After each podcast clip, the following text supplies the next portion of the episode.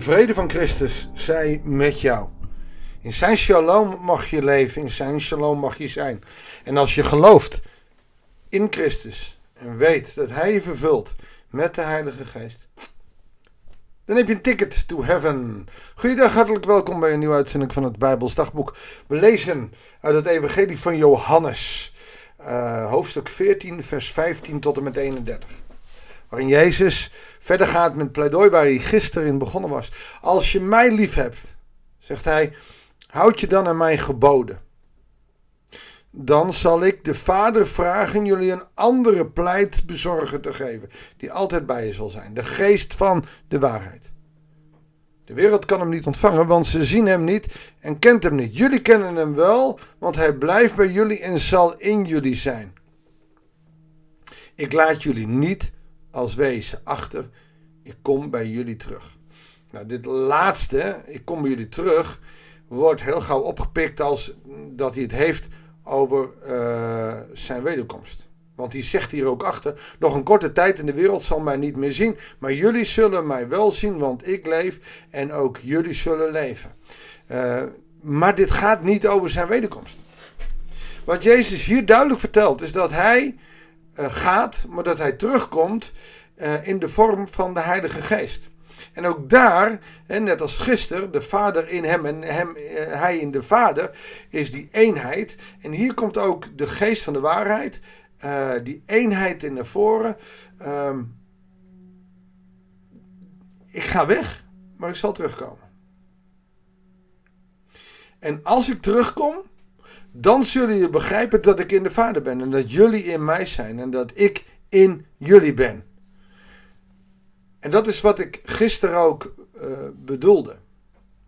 Uh, gisteren heb ik onder andere gezegd, en ik kreeg daar een reactie op, heel leuk, uh, dat uh, iemand het vreemd vond dat in, in de tijd van Jezus niemand tot bekering kwam.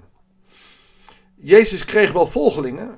Denk maar eens aan de spijzering van de vier of de vijfduizend.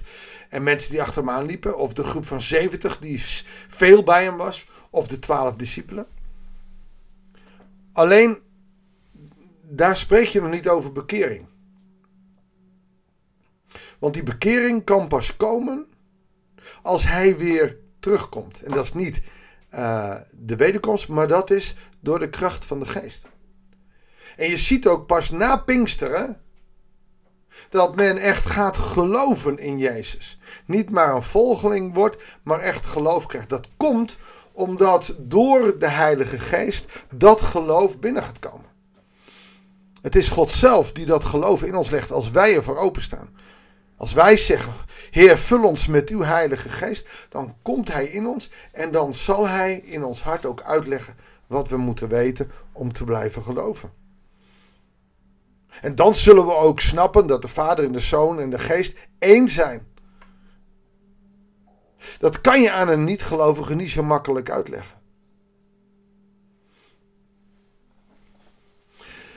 Wie mijn geboden kent en zich erin houdt, heeft mij lief. Een van die geboden is: Dit is mijn gebod dat gij elkander lief hebt. Oftewel, ik geef je een nieuw gebod. Dat je me lief moet hebben met de liefde die ik je heb gegeven, agapeo. Toch is dit niet helemaal het afschaffen van de geboden uit het Oude Testament. Maar als je alleen de tien geboden zou nemen, of alleen uh, de Torah, dan is dat het gebod wat tot de dood leidt. Eeuwige discussies. Maar als je Gods geest hebt, dan zul je de diepte van die geboden ook hebben en dan zul je in hem zijn. Dat is de geboden die hij ook bedoelt. Wie mij lief heeft, zal de liefde van mijn vader en mij, dus daar gaat die eenheid weer, ontvangen. En ik zal mij aan hem bekendmaken. Dus hoe kunnen we God kennen? Door Jezus Christus, door de kracht van de geest die ons op Jezus richt, zullen we uiteindelijk de Vader leren kennen. Toen vroeg Judas, dat is niet Judas Iscariot, want die was er al vandoor aan Jezus, waarom zult u wel aan ons, maar niet aan de wereld bekendmaken? Jezus antwoordde, wanneer iemand mij lief heeft, zal hij zich houden aan wat ik zeg. Mijn vader zal hem lief hebben en mijn vader en ik zullen bij hem komen en bij hem wonen door de geest. Maar wie mij niet lief heeft, houdt zich niet aan wat ik zeg. En wat jullie van mij, mij horen zeggen, zijn niet mijn woorden, maar de woorden van de vader door wie ik gezonden ben. Dus als je mijn, hem niet lief hebt, als je niet gelooft, dan zul je die woorden ook niet ter harte nemen, de woorden van God. Wat Jezus hier doet is echt helemaal doorwijzen naar de Vader. En uh, de gemeente waar ik uh, mag dienen, beroemt zich erop dat ze christologisch zijn. En dat klopt. Uh, Christocentrisch, alles gaat via Christus. Maar daarbij moet je wel weten, alles uh, wat Christus hier gedaan heeft, ook het werk wat hij in jou doet, moet uiteindelijk richten naar God. En God is zeg maar de benaming van die drie eenheid. En hij zegt, dit alles zeg ik tot jullie nu ik nog bij jullie ben. Later zal de pleitbezorger, de Heilige Geest, die de Vader jullie in mijn naam zal zenden, jullie alles duidelijk maken. En alles in herinnering brengen wat ik tegen jullie gezegd heb. Dus ze zullen tot bekering komen. En dan zullen ze pas uit kunnen leggen wat Jezus bedoelde. En vanaf dat moment komen mensen tot bekering. En het eerste wat ze dan doen is niet de Bijbel pakken en zeggen hier staat. Nee, dan komt er het getuigenis van Petrus en van de discipelen die hem gekend en gezien hebben. Het begint bij het getuigenis. Evangeliseren doe je niet door honderdduizend teksten te gebruiken. Evangeliseren doe je door je eigen verhaal te vertellen. En dat hoeft geen spectaculair verhaal te zijn. Ik lag eens een keer in de goot en ik had niks meer. Nee, gewoon vanuit je eigen leven. Dan zegt Jezus dan, ik laat jullie vrede na. En dat is niet zomaar vrede, dat is shalom. Dat is de vrede in en, en, en buiten je om. Dat is helemaal in die vrede zijn.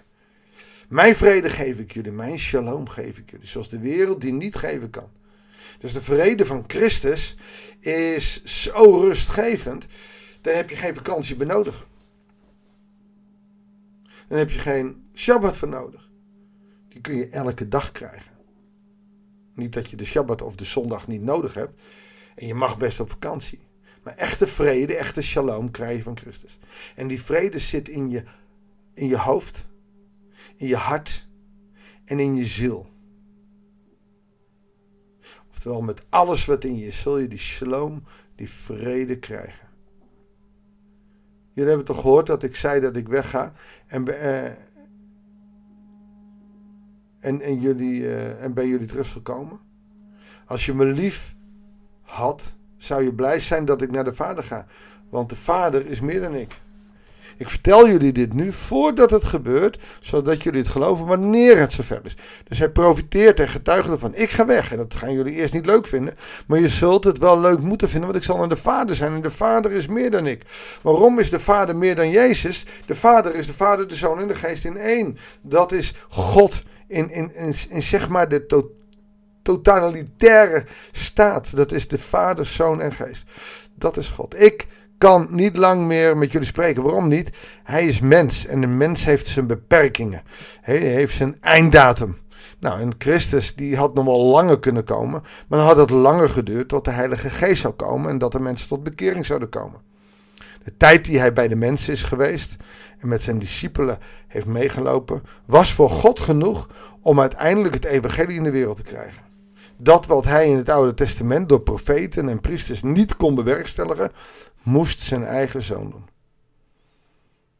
Ik kan niet lang met jullie spreken, want de heersers van deze wereld is al onderweg. Hij heeft geen macht over mij, dus ook dit is weer voorzegging. Maar zo zal de wereld weten dat ik de Vader lief heb. Dus zijn kruisdood en zijn marteling is uit liefde voor de Vader. Dus voor God, voor God die de hele wereld in zijn hand heeft. En doe wat de Vader mij heeft opgedragen. En dan zegt hij, kom laten we weer weggaan.